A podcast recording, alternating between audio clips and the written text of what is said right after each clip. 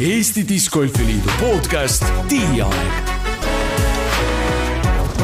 tere tulemast kuulama Eesti Discgolfi Liidu podcasti Tiiaeg. minu nimi on Markus Dvinjaninov ning olen siin, et koordineerida tänase ning ka järgnevate saadete lendu. oleme jõudnud oma kahe tuhande kahekümne neljanda aasta teise saateni ning täna on meil külas ei keegi muu kui Eesti naismängija, kes teisena peale Kristin Tatarit saanud endale palka maksva profilepingu ning kes praeguste tulemuste järgi lõpetab igal viiendal võistlusel, kus ta osaleb, poodiumi kõrgeimal kohal. tema võiduprotsent hetkel on üheksateist koma kakskümmend seitse protsenti ning tema nimeks on ei keegi muu kui Keiti Tätte. tere tulemast!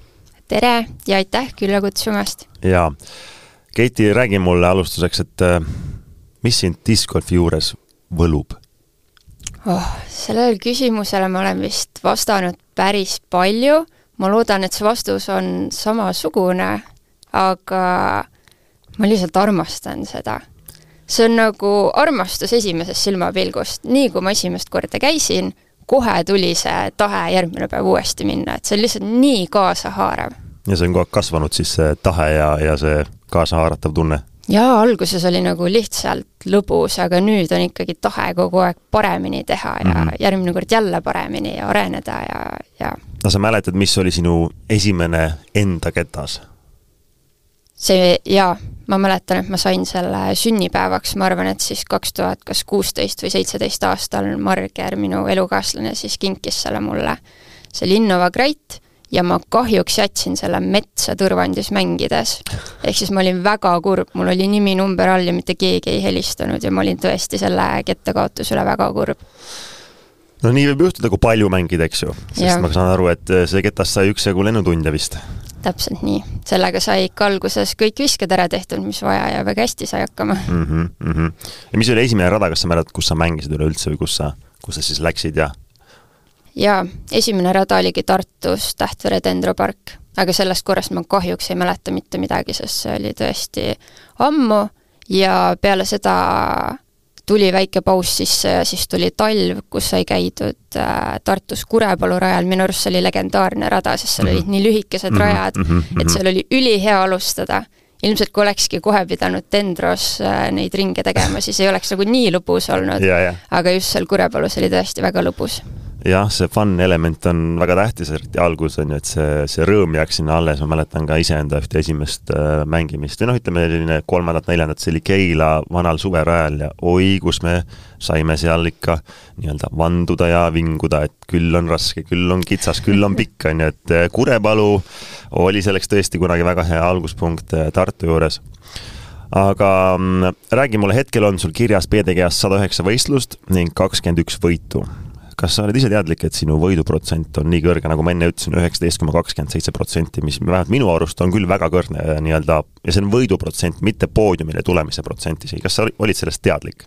Äh, ma teadsin, palju mul võite on, aga ma ei olnud seda protsentuaalselt tegelikult jah, arvutanud mm. -hmm. aga tõesti, mingid aastad siin, mul tuleb meelde just kaks tuhat üheksateist või jah, see oli kaks tuhat kakskümmend, kakskümmend üks olid niisugused aastad, kus tõesti läks väga-väga hästi mm. -hmm ja siis oligi tunne, et nii kui võistlusele läksid, isegi kui olid äh, kehvad, kehvem päev mm, -hmm. siis lõpetasin ikkagi alati poodiumil mm. -hmm.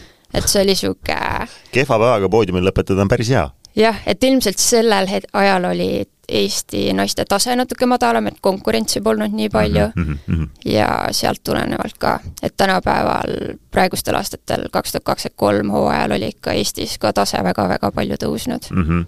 no eriti kõrge oli tegelikult see protsent sul peale aastat kakskümmend üks, mhm. sest et äh, võib-olla võib seda aastat nimetada ka sinu edukaimaks, ma ei tea, sa võid ise kommenteerida, aga, aga sul oli kolmteist võistlust tol aastal, nendest ainult kahel korral jäid sa poodiumilt välja mm. -hmm. kuuel korral olid esimene ning ülejäänud siis äh, viis korda olid teine või kolmas. et äh, kolmteist võistlust, kaks korda poodiumilt väljas, see on nagu, ma ei tea, ideaalne, võiks öelda vist või? ja vot see oligi aasta, mis mulle selle profilepingu tõi yeah.. et äh, eesotsas Eesti meistrivõistluste võit ja Euroopa meistrivõistluste neljas koht, et äh, see oli vägev ja see aasta jääb kindlasti mulle meelde. kas see võis olla sinu nii-öelda highlight siiamaani, highlight aasta? Jaa, oli küll. ja kusjuures, äh, mis ma ise sellega olen mõelnud, oli, see oli esimene aasta, kui ma tegin discgolfi töö kõrvalt mm. -hmm. et eelnevalt ma olin mm -hmm. võistelnud niimoodi, et ma käisin koolis ja mul yeah. oli tegelikult palju rohkem aega, et diskile pühenduda mm, -hmm. trenni teha, mhm. aga sellel ajal ma käisin täiskohaga tööl ja suutsin need asjad saavutada, et ma olin nagu selle üle eriti uhke. aga kas seal oli siis mingisugune muu seos või sa lihtsalt jõudsid oma mänguga järsku sellisele tasemele, kus need tulemused said tulla või, või oli seal ka mingi seos tagantjärgi vaadates sellele, et sa läksid tööle versus, et sa enne olid koolis, et oli sul, oli sul enne liiga palju vaba aega, et sa nii-öelda said rohkem, kuidas ma öelda siis, lahmida mm, -hmm. aga töö kõrvalt sa pidid väga fookuses võib-olla hoidma, et mida sa jõuad teha, mida sa ei jõua teha, kas seal võis olla mingi selline seos või? see on hea küsimus, aga ma tahaks arvata, et pigem oli see ja enda arenguteema mm. -hmm. ja nii vaimselt kui äh, siis jah, oskuste põhjal mm. -hmm aga kui me vaatame seda kahekümne esimest aastat korra veel, siis sa mainisid ka Eesti meistrivõistlusi ja Euroopa hakata neljandat kohta, eks ju mm -hmm.. kumb neist oli sinu jaoks äh, ma ei kujuta ette, mahlasem võit, et Estikatel sa võitsid Tatarit kuue viskega mm, -hmm. mis on päris palju. Euroopakatel jäid neljandaks, on ju, kas, kas nad on sinu jaoks mõlemad sellised äh, märgilised või on üks sinu jaoks ikkagi nagu säravam täht taevas? see on hea küsimus, aga need olid hästi erinevad, sellepärast et äh, Euroopa meistrivõistlustel äh, mul oli Maarja Kerg kaasas jällegi minu elukaaslane, et kui ma selle neljanda koha kätte sain, ma olin nagu jess, vau, mhm, ma ei ole -hmm. kunagi midagi sellist saavutanud, me saime seda koos, koos selle üle rõõmustada ja see oligi niisugune esimene. sa mäletad, kumb võistlus enne oli või? Jaa, Euroopakad olid minu arust enne noh, see oli aasta selline kõige esimene nagu suur võit, on ju? jaa, ja siis... Euroopakad olid nagu mu eesmärk, kuhu saada, sest sa ei saa okay. sinna niisama minna, et saada Eesti koondisesse, selle mm, -hmm. selle, selle, seda ma ikka ootasin mm. -hmm. et see oli väga-väga suur asi. Eestikate võit oli ka väga suur asi, aga seal see kohe peale võitu, see emotsioon ei olnud nii, võib-olla nagu nii suur, sellepärast et seal ma olin üksinda Mm -hmm, mm -hmm. et mul ei olnud seal väga kedagi Jagada teist, kellega koos rõõmustada mm -hmm, jah mm, -hmm. täpselt niimoodi nojah, sest kui sul on, Marger oli Euroopatel kädi, ma saan aru, on ju, et siis ta selles mõttes elas kogu aeg vahetult kaasa, on ju, et see kädina kaasasolek ei ole nagu niisama lihtne, et lihtsalt äh, hoiad seda kotti, vaid selles mõttes sa ikkagi oled ka natuke selle mängijaga seal neid viskeid tegemas, on ju? jaa, ja Estikatelt siis äh, need toimusid ju Hiiumaal mm, -hmm. ma õigesti mäletan ja sealt koju jõudmine, jõuds, tulime samal õhtul laevaga, siis autoga mm -hmm. ja jõudsin koju kuskil kaks-kolm öösel mm. -hmm. isa tuli vastu ukse mhm. peale niimoodi, et see We are the champions laul käis, Eesti lipp lehvis, vot see, see oli see, kus ma sain oma emotsiooni kätte nagu sellel hetkel. ühesõnaga, need olid mõlemad sellised, kas võib öelda ka siis karjääri siiamaani ikkagi kõige eredamad ja, võidud? jaa, kindlasti. või noh, neljas koht selles mõttes, aga võit ikkagi, on ju, et sa kindlasti täitsid oma eesmärgi seal ära, mis jaa, sa püstitanud jaa, sest et seal oli ju konkurents, kes minust ettepoole jäid, olid mm -hmm. ju, olidki maailma top-mängijad. jaa, jah. ja no maailma toppidele on okei natukene kaotada, et ja. siis järgmine aasta tulla ja neile tuupi teha aga kakskümmend üks aasta sai läbi, oli ülimalt edukas sinu jaoks, võistlusi tegelikult oli ainult kolmteist või noh, mitte ainult, aga mm -hmm. selles mõttes sinu järgnevate aastatega võrreldes väga palju vähem, aga kakskümmend üks aasta sai läbi, sa said äh, teise Eesti naismängijana sellise lepingu, kus päriselt maksti discgolfi mängimise eest palka jah, see oli unistuse täitumine. kujutate ette, kuulete rahvas, ja palka makstakse ketta viskamise eest, mitte ei lähe niisama loopima oma vabast ajast ja, ja tööandja ajast, vaid makstakse palka. mis, kas sa mäletad tol hetkel, kui sa said aru, et sa selle lepingu saad, see juhtub, kas see oli su jaoks konkreetne eesmärk varasemast või läks see kuidagi lihtsalt nii loogiliselt ja, ja see jõudis selleni või, või oli sinu jaoks nagu pika pingutuse tulemus? Kui ma ausalt ütlen, siis see ei olnud kunagi eesmärk, sellepärast et ma arvan, et ma ei julgenud nii suurelt unistada mm. -hmm. sest kui vaadata teiste eestlaste põhjal, kellel need lepingud on, siis Kristjan pidi ikkagi nii palju rohkem tööd tegema selle mm -hmm. nimel, et see leping saada, ta ju eelnevalt käis seal mitu aastat USA-s täiesti enda kuludega või nagu nii-öelda, et tal ei olnud sellist lepingut mm. -hmm et äh, kui ma nägin, kui palju peab vaeva nägema, et sellist lepingut saada, siis ma nagu ei ootanud, et mulle see pakkumine võib-olla siis natukene kergemini tuleb mm. -hmm. et kindlasti oli suur üllatus. aga mm, olid sa, olid sa rõõmus, et see tuli? oi muidugi väga-väga sa mä- mäletad seda hetke, kui see, ma ei tea, teadlikkus saabus, et, et nüüd see päriselt juhtub, ma kujutan ette, see oli nagu protsess, on ju, et see ei olnud nii, et mm -hmm. helistati, et kuule, näed, pane allkiri alla, hakkame pihta, vaid see oli nagu ikkagi mingisugune läbi, läbirääkimine, mingisugune edasi-tagasi põrgatamine, on ju. et, et sa olid üllatunud, ma saan aru, et sulle seda pakuti mm, -hmm. on ju -hmm. heas mõttes, et kas see kas sa tundsid ka mingit lisapinget sellest äh, lepingust, äh, et, et okei okay,, nüüd ma pean hakkama kellelegi vastutust andma või vastust andma piltlikult öeldes, et kuidas ma mängin, on ju, et ma ei saanud kedagi võib-olla alt vedada või, või, või ei pannud sulle mingit sellist ekstra pinget Ki peale? kindlasti pani ja lisaks veel selle pinge, et mulle ju tegelikult lepingus öeldi ette, et äh, ma pean just USA-s ja neid suurvõistlusi tegema kaasa aasta jooksul kuusteist tükki. kuusteist, jah? jah, mis on nagu päris suur e eelmisel aastal sul oli kolmteist võistlust kokku ja need olid Eestis, siis sa pidid USA-sse minema, et kuusteist seal mängida. jah. see on nagu väga palju. ja, ja kui sa ei ole harjunud just kodust ka võib-olla nii kaugel ära olema võõral maal, siis see oli algu-, alguses ikkagi natukene hirmutav, aga ma ei kahelnud nagu kordagi sellele ja. lepingule jah ütlemast nojah, arusaadav, ise ka ei kahtleks, ma arvan, keegi ei kahtleks ikka tahaks proovida maksimaalselt võtta, on ju. Mhm ehk et, et see, et sa sinna jõudsid, oli natukene selline sinu jaoks tagantjärgi vaadates võib-olla juhus, sul ei olnud konkreetset eesmärgi, et sa ei teinud selle nimel iga õhtu trenni, putitrenni, drive'i-trenni, on ju, vaid sa lihtsalt mängisid, sest sulle väga meeldis see asi? jah, täpselt nii oligi. ma nautisin lihtsalt mängu. ja justkui olidki need Euro Euroopakad, mis oli siis minu jaoks äh, üks suurimaid võistlusi, kus ma üldse võistelnud olen mm, -hmm. siis seal tegelikult tuli esimest korda see tunne, et vau ma tahaks veel sellistel suurtel võistlustel võistelda mm. ja tahaks veel seda mm. tunnet tunda, et ma olengi mm. siin liiderpoolis, mind filmitakse ja kõik sellega kaasnev. kui, kui glamuurne see tuuritava mängija elu on, sa oled, on ju, kogu aeg käid erinevatel võistlustel, USA-s kuusteist võistlust, tähendab, sa pead väga, väga palju ringi sõitma, on ju, mhm. sa kogu aeg liigud, kui äh, milline see köögipool tegelikult on, meil, meie näeme seda, kuidas sa oledki liiderpoolis, on ju, ja viskad võiduviskeid, tõstad karika ja kõik on, on giga-mega, on ju, aga on seal ka mingisugune teine osa sellel asjal? tegelikult on see elu üpris tavaline, mina ütleksin.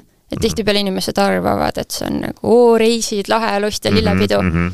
aga treening ja võistlusringid võtavad nii palju energiat ära mm, -hmm. et tihtipeale peale võistlusringi lihtsalt puhkadki mm, -hmm. teed kodus süüa, puhkad ja valmistud järgmiseks päevaks ette, et et äh, sisuliselt käid mängimas discgolfi lihtsalt erinevatel radadel, aga ülejäänud aeg on nagu tavaline elu, lihtsalt sa pead arvestama, et sa kogu aeg liigud ja leiad omale uue koha, kus olla. ja no täpselt nii et äh, eks me ikka teeme pause ja võtame mingeid aegu, kui olemegi kuskil väga erilises kohas, kus on mm -hmm. ilus loodus mm, -hmm. et me oleme just panustanud sellele, et kui on mingeid ägedaid kohti, kus matkata, et mm -hmm. siis käime seal ka mm. -hmm.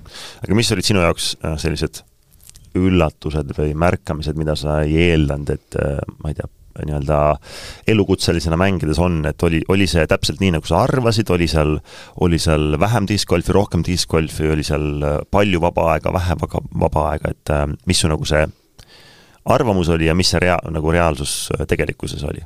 ma arvan, et ma ei osanudki otseselt midagi oodata või arvata mm, -hmm ma kindlasti ei olnud äh, võib-olla esimesel aastal veel eriti valmistunud selleks, et naised iga võistlus mängivad nii vara mm, -hmm. et Eestis me oleme harjunud, kui toimusidki kas või Eesti Discgolfi Liidu etapid või midagi sellist, et mm -hmm. siis kell kümme algavad võistlused või üksteist võistlusring yeah,, yeah. siis seal on ju niimoodi, et esimesed naised lähevad peale seitse kolmkümmend mm,. Okay. mis oli minu jaoks nagu väga aus asi. asi ei ole ainult ärkamises, vaid selles, et su keha ka üles ärkaks mm. -hmm, mm -hmm. et äh, pean nagu nii valmis olema, nii vara kohe endast nii-öelda maksimumi andma, et see oli kindlasti selline natukene üllatav uus asi nagu seitse kolmkümmend, see oli siis esimene pool tõenäoliselt jälleks, on ju, okei, aga noh, mõnikord ikka juhtub, et oled esimeses poolis paratamatult, on ju, mis see tähendab sinu jaoks, seitse kolmkümmend hakkab ring, mis kell sa ärkad umbes ja mis kell sa tahad rajal olla? palju sa aega võtad ette, et nagu see saaks hästi minna, seitse kolmkümmend see ring? Jah, see kõik olenes sellest ka, kui kaugel me rajast ööbisime mm., aga tavaliselt ma üritasin niisugune nelikümmend viis, viiskümmend minutit varem rajal olla, et sooja teha, iga hommik sai ärgatud, kohe esimese asjana putru tehtud, et hommikusöök oli väga oluline, seda me kunagi ära ei jätnud, sellepärast et ring oli ka hästi pikk mm, -hmm. et äh, see oli väga oluline, et hommikul korralikult süüa. ehk sisuliselt võib juhtuda, et oled enne kella seitset juba rajal? soojendad? jaa, minul õnneks äh, väga palju neid, ma vist kunagi seitse kolmkümmend ei pidanudki õnneks minema uh, -huh. et sellega mul vedas, aga olen näinud pilte, kus äh, mängijad ongi rajal ja veel, veel ei ole päikegi tõusnud ja nad teevad seal kuskil pimedas sooja. et see meil, on päris ekstreemne. jaa, kaks tuhat kuusteist, kui me käisime Euroopa meistrivõistlustel Soomes, siis viimasel päeval kuidagi juhtus nii, et äh, meeste nii-öelda siis, kes cut'ist edasi said, esimene ots pidi minema enne kella seitset juba rajale, ma mäletan, ja siis kus ikka mängijad olid pahased, et mis siin toimub, et kuus viiskümmend on juba mehed reaalselt mängivad, on ju, et noh, maailm magab ja sa pead nagu oma kõige tähtsamat võistlust tegema, on ju, Euroopa meistrivõistluste näol siis näiteks. Aga aasta kakskümmend kaks äh, tõusis sinu võistlustel osalemise arv metsikult kõrgele, see oli siis kakskümmend seitse võistlust versus eelmine aasta kolmteist, äh, sellele mm -hmm. eelneva aasta, eks ju, ja kakskümmend kolm aasta on sul oli kakskümmend viis võistlust, need mõlemad võistluse numbrid on ülikõrged. et äh, kas sa mäletad seda kakskümmend üks versus kakskümmend kaks, kolmteist võistlust versus kakskümmend seitse võistlust, on sul meeles, et see oli nagu et sa kahekümne teise aasta lõpus vaatasid, et okei okay,, seda oli väga palju või, või, või ei tundnud sa, et seda oli liiga palju? Kusjuures ma ei mõelnud nii, sellepärast et kui me võtamegi seda, et äh, kakskümmend üks aastal ma tegin seda oma täistöökoha kõrvalt, siis mm -hmm. ma arvan, et on okei okay,, et ei jõudnudki nii palju võistlusi teha mm, -hmm. sest et ma pidin nädalavahetuseti ka vahest tööl käima mm. -hmm ja järgmine aasta siis oligi see minu töö, mhm. võistelda mm -hmm. ja käia võistlemas, et mm -hmm. mulle tundus see täiesti loomulik ja tavaline okay., et nii palju neid oli. ma mõtlesingi, et, et sa ei tundnud näiteks üleliia sellist füüsilist väsimust või vaimset väsimust, et nii palju võistlusi, nii palju keskendumist, nii palju uusi radu, sest sa olid USA-s mm, -hmm. kus olid mm -hmm. ju enamus uued rajad, või noh, kõik tegelikult vist, on ju. et ise kunagi, olles käinud Euroopas siin-seal mängimas ka USA-s, aga ikkagi, kui väga palju, vähemalt mina järjest mängisin, siis ma mäletan, et äh, nagu minul tekkis selline no ikkagi väsimus kas või sellest, et sa üritad rajast aru saada, sa üritad aru saada, kuidas sa mängima pead seda, on ju, kuidas selle võimalikult hästi esineda stabiilselt, et siis nagu see ei ole lihtsalt, et sa viskad ketast, vaid sa pead nagu kaasa mõtlema ka ikkagi mm -hmm. või noh, selles mõttes vaeva nägema, kas see ei väsitanud sind äh, väga, või noh, ära?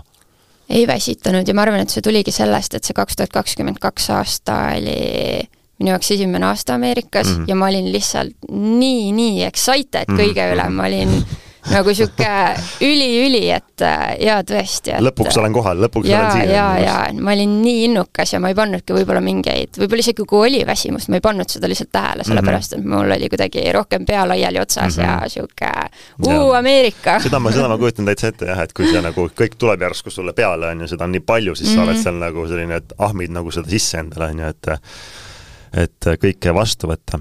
aga lihtsalt äh, faktina, et kui sa teed kakskümmend seitse võistlust või kakskümmend viis võistlust aastas, siis tähendab, et sa mängid sisuliselt aasta igal teisel nädalavahetusel ühe võistluse et see on päris palju ma olen kunagi mänginud vist äh, nüüd suvel, mul oli kaks vaba nädalavahetust ja noh, mingisugused kevadised ja sügisesed võistlused ka. ja mäletan juba siis, võistlusi oli ma arvan kakskümmend, vähem kui sinul igatahes, oli minu jaoks vahepeal nii, et mul oli noh, niimoodi, et okei okay,, et äh, ma ei suuda enam keskenduda piltlikult öeldes, aga ma ei olnud ka USA-s ainult mm -hmm. võistlemas ja ma pidin tööd tegema. aga lihtsalt võrdluseks veel, et äh, näiteks Tataril on kõige rohkem võistlusi olnud kakskümmend kaks aastat, neid oli kakskümmend kolm ehk et neli võistlust vähem kui sinu kakskümmend seitse. ma arvan, et see kakskümmend seitse võib olla isegi selline mingisugune Eesti tippmark, huvi pärast võiks seda pärast vaadata, sest see on tõesti väga-väga palju et mm -hmm. igal teisel nädalavahetusel astud võistlust tulla ja mõnikord on kolm päeva võistlused ja mõnikord isegi neli päeva ju ka mm. -hmm. et see nii-öelda võistlusest mahatuleku aeg ja järgmiseks valmistumine, sa pead ju seal ringi sõitma, see on, see ei ole ju tegelikult nii pikk, on ju, sul ei ole seal nagu aega logeleda või võtta nüüd käin siin spaas lõde, lõõgastun, on ju. oo oh jaa, ja maailmameistrivõistlused on üldse viis päeva no vot, siis ei jäägi midagi aastast järgi, ainult jaanipäev ja aastavahetus ja võistlus hakkab jälle pihta. aga samas vahest oli selline tunne, et kui nädalavahetusel võistlust ei ole, siis nagu ei oskagi midagi teha mm., sest oled nii harjunud mm, -hmm, et on mm. -hmm. kogu aeg on ja. minek sees okei okay., aga kui erinev oleks see, et sa võistled ähm, USA-s on ju, käid nendel võistlustel, sa küll ütlesid, et, et see vähemalt kakskümmend kaks aastal mm -hmm. see võistlusel käimine ei olnud selline kurnav sinu jaoks mm, -hmm. on ju, kas kakskümmend kolm see muutus või ei muutunud, mäletad sa või? Ma arvan, et äh, aasta lõpuks muutus küll mm. -hmm et siis ma tundsin sellist äh, just vaimset väsimust mm. -hmm. ja võib-olla see tuligi sellest, et äh, see, kuigi ma tahtsin võistelda, siis see esimene kõige suurem nagu tuh nii-öelda oli mööda läinud. ma tahtsin ikka endast parimat anda mm, -hmm. aga mhm. kuna need tulemused ei tulnud ka nii kergelt, siis mm -hmm. tekkiski see kurnatus ja väsimus mm. -hmm, mm -hmm sest et tol aastal oli sul jah, kakskümmend viis võistlust, aga mis ma tahtsin küsida, oli tegelikult see, et, et kas äh, mõlemal aastal sa võistlesid ka Euroopas ju veel tegelikult, mitte ainult USA-s, on ju mm? -hmm, et äh, kui erinev oleks see, et sa võistleksid kõik need võistlused näiteks Eestis versus et sa võistleksid need võistlused kõik USA-s, et kas, äh, kas see on ka, ütleme siis, sellel kurnatusel, mis lõpuks tekib, on sellel vahe? et, et Eestis oleks, oleks, kas oleks see väiksem või, või oleks see tegelikult sama, sama väsitav? Ma arvan, et Eestis oleks ikkagi kindlasti väiksem, sellepärast et Eestis on see kodutunne mm. -hmm. et äh, välismaal ikkagi sa tunned kogu aeg, et sa oled võõras kohas ja mm -hmm. kõik on hoopis teistmoodi võõras ümberringi. jaa. aga kui kaua sellises tempos üldse üks mängija jõuab elada, kui ta mängib kakskümmend seitse võistlust aastas, et äh, kuidas, kuidas see nagu, ma tahaks küsida, et kuidas see üleüldse saab võimalik olla, et äh, ma küll ei vaadanud üle palju, mängivad, ütleme, need, kes on seal tipud eesotsas mm -hmm. mänginud nagu aastaid, aastaid, aastaid, on ju, aga, aga kas sa kujutad ette, et sa mängiksid niimoodi kakskümmend seitse võistlust, äh, kui sul makstaks palka selle eest mm, -hmm. on ju, aastas ja, ja, ja saaksid nagu ja see oleks, kuidas ma ütlen, õnnestunud aasta, et, et äh, kas ei ole nagu eos liiga palju? kusjuures ma pean ütlema, et mulle ei tundu, sellepärast et kuna mulle too hetk ei tundunud see mm -hmm. palju mm, -hmm. siis ma arvan, et minule ta ei olnud palju mm. -hmm. ja samamoodi see aasta, et äh, eks see kakskümmend seitse või kakskümmend viis võistlust äh, siis kaks tuhat kakskümmend kolm aastal, et ja. Äh, nad ei olnud kõik niisugused MM-i tähtsusega võistlused mm. -hmm. et näiteks käisime, käisin Åland Openit mängimas Ahvenamaal siis mm, -hmm. et see oli niisugune pooleldi puhkus ja pooleldi võistlus, et seal sai hästi palju seda saart käidud avastamas mm. -hmm. et seal oli nagu fookus fifty-fifty, et okei okay., et on ka võistlusi, mis on ja. nagu rohkem nii-öelda fun'iga ja, ja, no, ja on sellised, kus ikkagi vere ja higiga üritad nagu maksimaalselt võtta justkui, mitte et sa Ålandil ennast nagu halvasti või nagu teadlikult mm -hmm. halvasti mängid, on ju, aga seal ei ole seda mingisugust välist ekstra pinget, mida jaa, täpselt nii. Kui tihti üldse selline väline ekstra nagu pinge sul tekib, ma ei tea, kas sel aastal sa ju mängisid Euroopakatel samamoodi Eestis on ju Lauluväljakul, kas seal oli sul mingi tuntav suurem pinge kui teistel võistlustel või? seal oli megapinge. megapinge? megapinge just sellepärast ka, et see rahvamass oli nii suur, kes tuli kaasa elama, et mm -hmm USA-s ju mina leaderpoolis suurtel võistlustel ei ole mänginud, järelikult mm. minuga ei ole sellist rahvamassi kaasas käinud mm., et see oli minu jaoks nagu esmakordne ja kõik hõikasid kuskilt go gate'i ja niimoodi, et mhm. see oli nagu ja eesti keeles hõikasid veel ka? jaa, see, see, see oli väga sütitav, aga samas see pani kindlasti ka pinget peale, et nii paljud inimesed mind jälgivad. jah, seda, see võistlus on paljudele mängijatele ennast jälje jätnud siin, äh, mis meil siin Lauluväljakul see aasta toimus, on ju, ja või tähendab, eelmine aasta mm -hmm. siis, aga see aasta ja järgmine aasta on meil veel siin suuri asju juhtumas, on ju, et äh, ma arvan, et sinul on ka eesmärk kindlasti nendel võistlustel osaleda. jaa, muidugi ilma ei saakski. täpselt. nii äh,, aga kakskümmend kaks ja kakskümmend kolm aasta, kokku kahe aasta peale viiskümmend kaks PD-ga võistlust. ja kahjuks mitte ühtegi nendest esimesel kohal Äh, esimese, mitte ühelgi neil võistlustes sa esimesele kohale ei platseerunud, oli teisi, oli kolmandaid ja oli palju igasugust muud nii-öelda kohta. mis, äh, mis juhtus mm? -hmm. No kui me räägime USA võistlustest, siis seal on ikka kõvasti-kõvasti suurem konkurents mm. -hmm seal, kui sa võita tahad, sa pead esiteks Kristinile ära tegema mida ma olen ühe korra elus suutnud, eks ole, aga kui tema on ikkagi oma minekus ja sõidu ees, siis see on väga-väga keeruline mm. -hmm. aga poodiumikohti sealt samamoodi ei tulnud, et äh, seal oli ikkagi raskem, sest mängijaid ongi nii palju paremaid. jah, et konkurents on tihedam, eks ju, aga, aga mm, üks asi on konkurents, aga kas seal on nagu midagi veel, et kas sa tundsid ka mingisugust äh, lisapinget sellesama lepingu pärast, mis sulle anti, on ju, et kuusteist võistlust, äh, tundsid sa, et eeldatakse, et sa ikkagi mängiksid nagu esikolme, no ise mängijana sa tahad ju mm, -hmm, ma mhm, arvan, nagu mm -hmm. maksimumi anda, on ju, võib-olla esimene aasta, ma ei tea, kas sa panid endale eesmärgi, et ma pean kindlasti, ma ei tea, viiel võistlusel saama esikümnesse või kas sa mõtlesid nii või sa lihtsalt mängisid, mängisid, mängisid, kuidas, kuidas sa lähenesid sellele? Esimene aasta ma ei mõelnud üldse selle peale, aga teine aasta ma juba teadsin, et mul on viimane aasta lepingut mm -hmm. ja kui ma tahan, et äh, siin midagi jätkuks, et mm -hmm. siis mhm. ma pean väga hästi mängima, et mul mm -hmm. oligi niisugune all-in aasta, kas tuleb või ei tule mm. -hmm. ja kas siis jäi puudu, võiks öelda, et äh, ei läinud päris nii, nagu plaanis oli või? ja kindlasti jäi puudu ja kõige kurvem selle asja juures minu jaoks ongi see, et ma tean, et mul olid oskused olemas mm, -hmm. ma olin, olen võimeline mängima seal igal võistlusel top kümnesse mm, -hmm. aga kahjuks vaimne pool lihtsalt vedas alt. okei okay., ehk siis äh, pea, pea tuli vahele? jah, täpselt nii. ja kas see, kas see tuli vahele kahekümne kolmandal või see juba nagu pani ka pidurit kahekümne teisel või? see ka kahekümne teisel äh, rikkus minu jaoks võistluseid, jah. aga ma mõtlen, et kas see, see, et see nii-öelda meie suurim discgolferi suurim vaenlane pea tuli vahele, kas see on seotud äh, kas see on sinu, sinu näite puhul või sinu tundmuses nagu lihtsalt juhuslik, et nii läks, või see tuli sellepärast, et sul oli see leping, et kas teoreetiliselt võiks äh, teoretiseerida, et kui sa ei oleks lepinguga mänginud ja läinud ise USA-sse mm -hmm. mängima, kas sa oleks siis teinud seal äkki paremaid tulemusi? või, või sa ei ütleks seda, sa ei arvaks seda?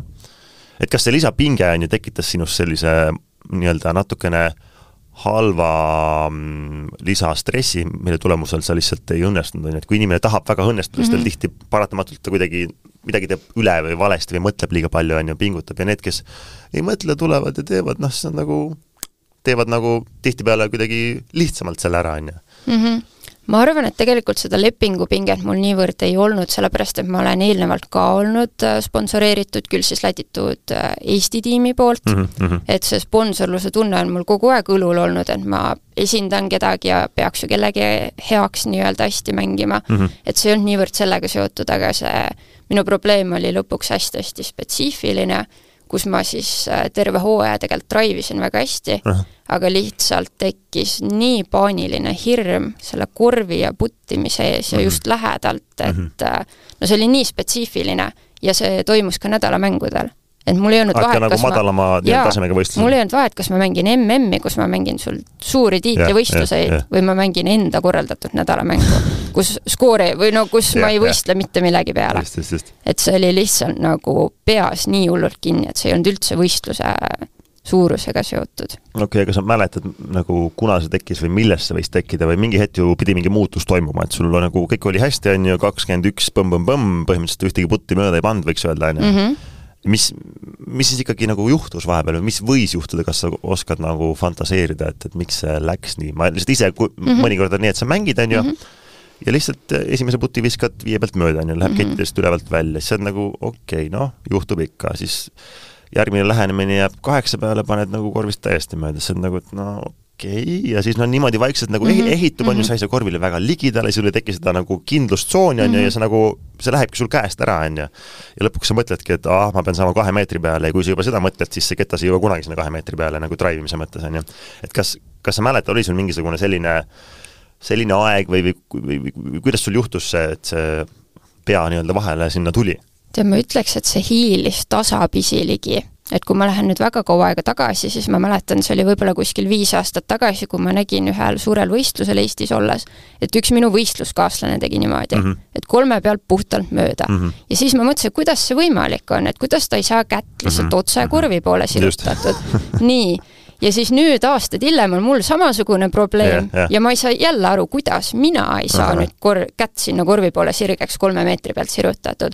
aga see tuli jah tasapisi, et äh, kui sa, ma tahaks öelda, et kui sa ei ole sellega varem kokku puutunud ise, siis sa ei saagi aru, kuidas see käsi niimoodi teeb või kuidas see mm -hmm. käsi ei allu tahtele mm. -hmm. aga minul oli, ma isegi ei mäleta, kas see oli kaks tuhat üheksateist või kakskümmend üks aasta tegelikult talvised meistrivõistlused, mis toimusid Männikul mm. -hmm. ja seal läks kõik hästi, viimane päev ma olin seal kolmanda koha medalikonkurentsis, täitsa tegelikult enne viimast rada olingi kindlustatud kolmas koht ja tegelikult terve ringi ajal juba ranne külmus ära ja siis hakkaski niimoodi paremalt kuidagi üle ennast Aha. pöörama ja mööda puttima.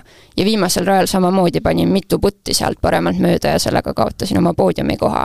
aga see ei jäänud sealt külge, vaid see oligi niimoodi, et võistlustel siis vahest juhtus sellist asja mm. -hmm. ja siis lihtsalt hakkaski järjest tihedamini, tihedamini juhtuma, kui üks hetk oligi see, et iga võistlus juhtus, et mul ei olnud võistlusringi, kus mul ei juhtunud sellist mm -hmm. asja mm. -hmm. ja tõenäoliselt sa proovisid mis iganes kõiksugu lähenemisi või trikke, mida iganes suutsid välja mõelda. oi, ma proovisin nii paljusid erinevaid stiile, sirge käega, ilma randmete, kõike, aga see jah, kui Ranne oli harjunud tegema Jah, seda jah. liigutust, siis ta ikkagi tahtlikult tahtis seda teha, et väga keeruline oli. sest et ega see, millest sa räägid, see ei ole ju mingisugune haruldane nähtus discgolfi maailmas, me näeme seda ka tänapäeval äh, naiste tippklassis tippmängijatel, kes on äh, mänginud aastaid, on ju, pikemalt kui meie sinuga piltlikult öeldes ja, ja no on seal korvi juures ja no võta, võta, võta või kinni, aga see ketas ei lähe üldse sinna korvi poole kahe, kolme või nelja meetri pealt, on ju, ja tõesti, sa võid anda suvalisele inimesele kette kätte, öelda, et näed, siin on korv kolm meetrit, et äh, viska sinna sisse ja tõenäoliselt ta saab selle sinna sisse, on ju, ta ta lihtsalt ei mõtle, ta no heidab selle,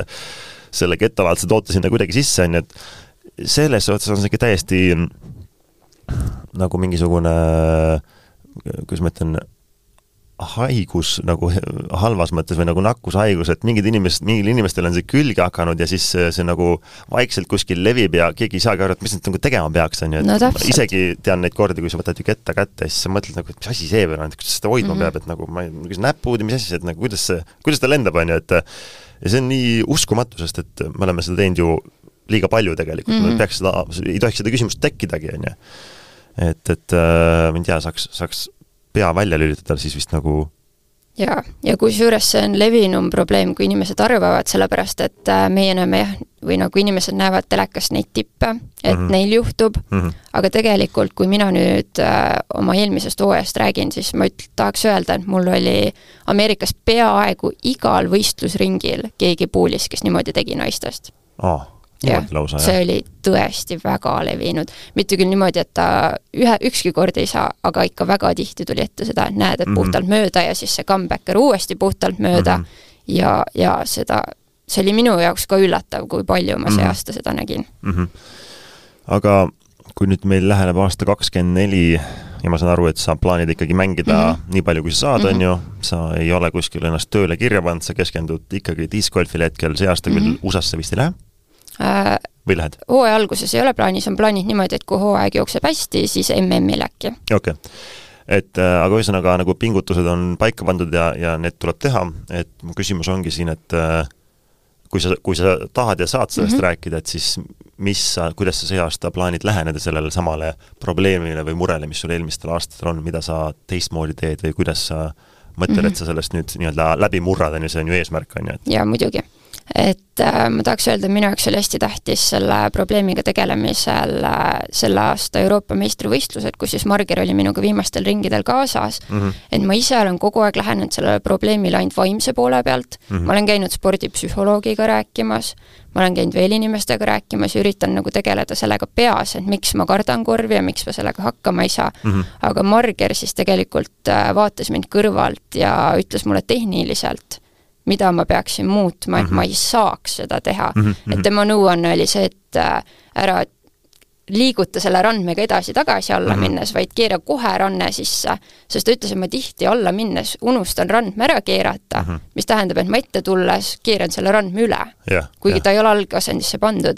ja kusjuures see aitas mind MM-i viimasel ringil kindlasti ja seda ma olen edaspidi ka üritanud jälgida, lihtsalt alguses oli sellega võõras kohaneda ja mul iga kord ei tulnud meelde, et ma pidin, nii kui ma mööda putsin, ma kohe peast tuletasin meelde, ahah, lähedalt tee jälle niimoodi. Ahah. ja ma tahaks öelda, et nüüd ma ju mängin hetkel nädalas kaks korda, sest mm -hmm. ma korraldan ise nädalamänge ja ma ei ütle, et ma olen ebamugavustundest lahti saanud, aga ma olen lahti saanud sellest kohutavast hirmust korvi Mhm. ees mm. -hmm. et see on pikk protsess ja ma muidugi ei saa väita, et see kunagi tagasi ei tule mm. -hmm. aga hetkel mul on tunne, et ma nagu olen õigel teel sinna mm. -hmm. paremuse poole. aga siis tegelikult see nagu hetkel tundub, et see nagu nii-öelda ravim on olnud ikkagi mingisugune mehaaniline või tehniline lähenemine. jaa, sellepärast, et äh, ma keskendusingi nii palju muudele asjadele ja sellele, mida ma peas mõtlen ja mida ma ei tohi karta ja mida ma pean mõtlema, et mul läkski võib-olla meelest ära, ma ei näe ju ennast ise kõrvalt, et see tehniline pool läkski võib-olla närvidest või asjadest läks meelest õigesti teha ja siis see kogu aeg kuhjus ja kuhjus ja tuligi sisse, et äh, jah. mm. -hmm. Um, kuidas sa ise neid äh, kahte viimast äh, aastat praegu nii-öelda tagasivaatavalt äh, hindad, on, on noh, et need on kindlasti olnud omamoodi rasked, on ju mm. -hmm. et ütleme, need võib-olla eesmärgid, mis sa panid, ma kujutan ette, ei ole olnud päris need, mida sa lootsid mm. -hmm. aga mida sa oled, mida sa oled nendest viimasest kahest aastast näiteks õppinud, et kas sa oled saanud mingisugust väärtuslikku asja sellest kaasa võtta, kõrva taha panna, et, et olla järgmistel aastatel nii-öelda seda, sedavõrd tugevam, on ju. et sul on väga hea aasta olnud, kakskümmend üks, ja sul on olnud kaks äh, alla keskmist aastat, võib-olla võib öelda, on ju. et äh, mis need kaks viimast aastat on sulle õpetanud või, või, või, või andnud? ja ma usun, et äh, iga võistlus annab mingeid kogemusi juurde, just teadlikkust ja ilmselt minu põhiprobleemiks on, ongi see olnud, et tihtipeale on pea laiali otsas ja ei suuda seda fookust nagu viia sinna ühte punkti, et ma teen mingi viske ära mm -hmm. ja siis peale seda mõtled, miks ma nii tegin. et miks ma rohkem ei mõelnud, kuidas teha või tehniliselt just mm. -hmm. et niisugust kiirustamist on minu puhul palju olnud, et teeks ruttu selle viske nüüd ära, siis saab tehtud ja nii et eh, jah, rohkem keskendumist on vaja ja aeglasemalt võtta siis. ehk rohkem keskenduda rahulikumalt ja ranne all sisse keerata ja, ja siis peaks kakskümmend kolm aastal või kakskümmend neli aastal kõik nii-öelda õnnestuma. no täpselt. loodetavasti. mitu võistlust sul praegu plaanis on, oled sa kokku lugenud või? tead, ma ei, ei ole kahjuks kokku lugenud. kas tuleb kolmkümmend ära sinu puhul tundub, et äh, ei ole küsimus, et kui teeme, siis teeme, noh. ja, ja no kui vaadata, et kui välismaal võistlusi ei toimu, siis on tunne, et Eestis toimub ka viimasel ajal nii palju PDG võistluseid, et äh, valikut mm -hmm. on ja kindlasti on võimalik ära teha. ja sa alguses mainisid, et äh, Eesti naismängijate äh, nii-öelda tase ja mängijate hulk on ka vist viimaste aastatega metsikult muutunud ja kasvanud, on ju? et, et siin omavahel saab juba üksjagu jageleda ja nii-öelda seda latti tõsta ja õppida üksteise pealt, enne kui kuskile kaugemale kindlasti peab minema hakkama. no täpselt, ja meil on samamoodi tegelikult, kui mõelda nendele Eurotuuri võistlustele, siis äh, igalt sellelt etapilt leiab juba Eesti naise, nii et äh, jagub neid igale poole. ja sisetunne on sul, et äh, proovid sellest äh, discgolfi sidrunist pressida veel kakskümmend neli aastal ikkagi maksimumi välja? jaa, sellepärast, et kui mul ei oleks seda tunnet, siis ma ei teeks seda sellel aastal enam mm. -hmm. et ma olin äh, siin äh, sü-, sügisel-talvel, siis ikkagi oli niisugune mõtlemisaeg, mis saab, mis teha, mis edasi, ja kui ma ei oleks äh, kui ma ei oleks näinud valgust nendele puti probleemidele, siis ma kindlasti ei oleks äh, jätkanud. kas võib öelda, et kui see Euroopa meistrikad ei oleks lõppenud nii, nagu ta lõppes, kas siis võiks öelda, et võib-olla sa ei pressiks nii palju see aasta mängida? jah, no ma ütlen, et ei tea, kas ma oleks kuskilt kuidagi teistmoodi ja, selle no,, selle lahenduseni leidnud, kuhu ma jõudsin, aga jah, praegu ma näen, et mul on lahendus, mul on suund, kuhu poole liikuda mm -hmm. ja ma ei ole enam sellises ummikseisus, nagu ma hooaja keskel olin mm. -hmm, mm -hmm. ja kuidas siis äh, see kakskümmend neli aasta praegu, mis on sinu mängukava, enne kui esimesed võistlused hakkavad, kas esimesed võistlused hakkavad äh, talviste meistrivõistlustega Eestis? jaa, kusjuures mul on talviste meistrivõistluste soojendusvõistlus veel, nädal enne on siis Tartumaa talvised meistrivõistlused Elva diskgolfipargis, et uh -huh. need tuleb kõigepealt, need ei ole küll PDK võistlused, aga minu jaoks ikkagi meistritiitli võistlused nii-öelda, ja siis ja talvised. ja nii ta läheb. ja siis aasta lõpuks äh, MM-ile, ma saan aru, USA-sse no suures plaanis küll, jah. väga hea äh,. meil on ülevaade nüüd, kuidas, kuidas üks äh, tuuritav mängija äh, saab tuuritavaks mängijaks, kuidas äh, tuuritav mängija tuleb tagasi lihtsurelike sekka korraks ja siis, kuidas ta kakskümmend neli aastal uuesti tõuseb tuuritavaks mängijaks, et siis kahekümne viiendal aastal uus leping jälle endale kätte saada, ma saan aru, et see on, see on see võib-olla väike selline salajane pealkiri seal all, et ikkagi saada tagasi? no seda ma hetkel ei ütle välja okay. ei pea, ei pea kõik ütlema välja, aga aga ma arvan, et, et kuulates sind ja saades aru, et sa ikkagi tahad väga-väga palju discgolfi mängida, sulle meeldib see, siis äh, ma ütlen, et minu eesmärk oleks kindlasti see, nii et ma loodan, et selles mõttes tuleb edukas aasta, sa saad MM-ile ja, ja Rande läheb sisse ja võtad hetke rohkem ja ketas lendab korvi. aga ma tänan sind, Keiti, selle väikse vestluse eest siin täna ja tänan kõiki kuulajaid ja minge mängige discgolfi ning kui mitte hiljem või varem, siis äh, kohtume järgmises podcastis Tiiaeg. aitäh teile! jah, aitäh veel kord ka minu poolt! Eesti Discgolfi Liidu podcast Tiiaeg